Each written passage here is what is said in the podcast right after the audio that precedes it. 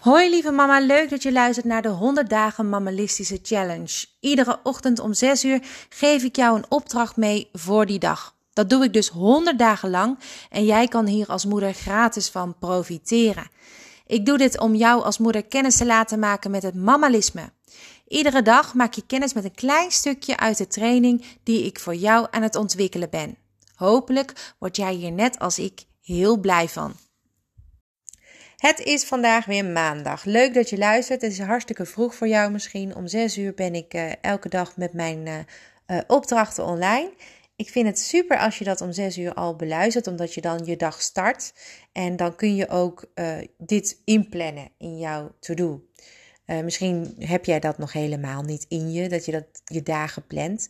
Pak dan in ieder geval de maandag daarvoor. En dat doe ik altijd. Dan kijk ik altijd naar mijn week. En dan kijk ik wat ik eventueel um, ja, nog daarbij kan doen. En nu krijg je de opdracht om je hoofd leeg te maken met al die dingetjes die jij nog moet doen. En die dingetjes kun je dan deze week inplannen.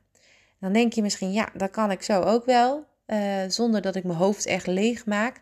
Nou, je zult versteld zijn wat er allemaal in je hoofd zit. Ik heb daar hele kleine briefjes voor zelf. Die leg ik voor mijn neus. En dan op elk briefje schrijf ik iets anders. Bijvoorbeeld, ik moet nog uh, uh, uh, de plinten halen in de hal.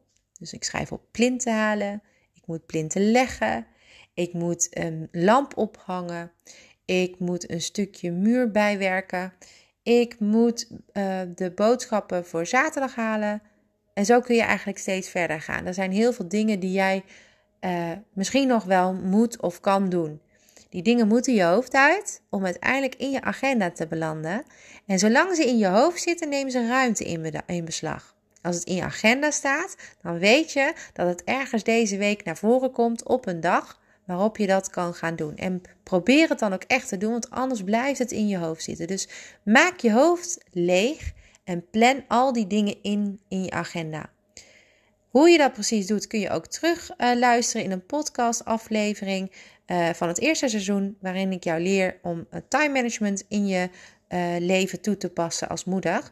Maar dit zijn van die kleine dingetjes die je nu al gewoon kan doen en heel fijn kunnen werken voor jou als moeder. Succes er vandaag mee en tot morgen! Succes vandaag met deze opdracht. Morgen om 6 uur ben ik er weer. Tot dan!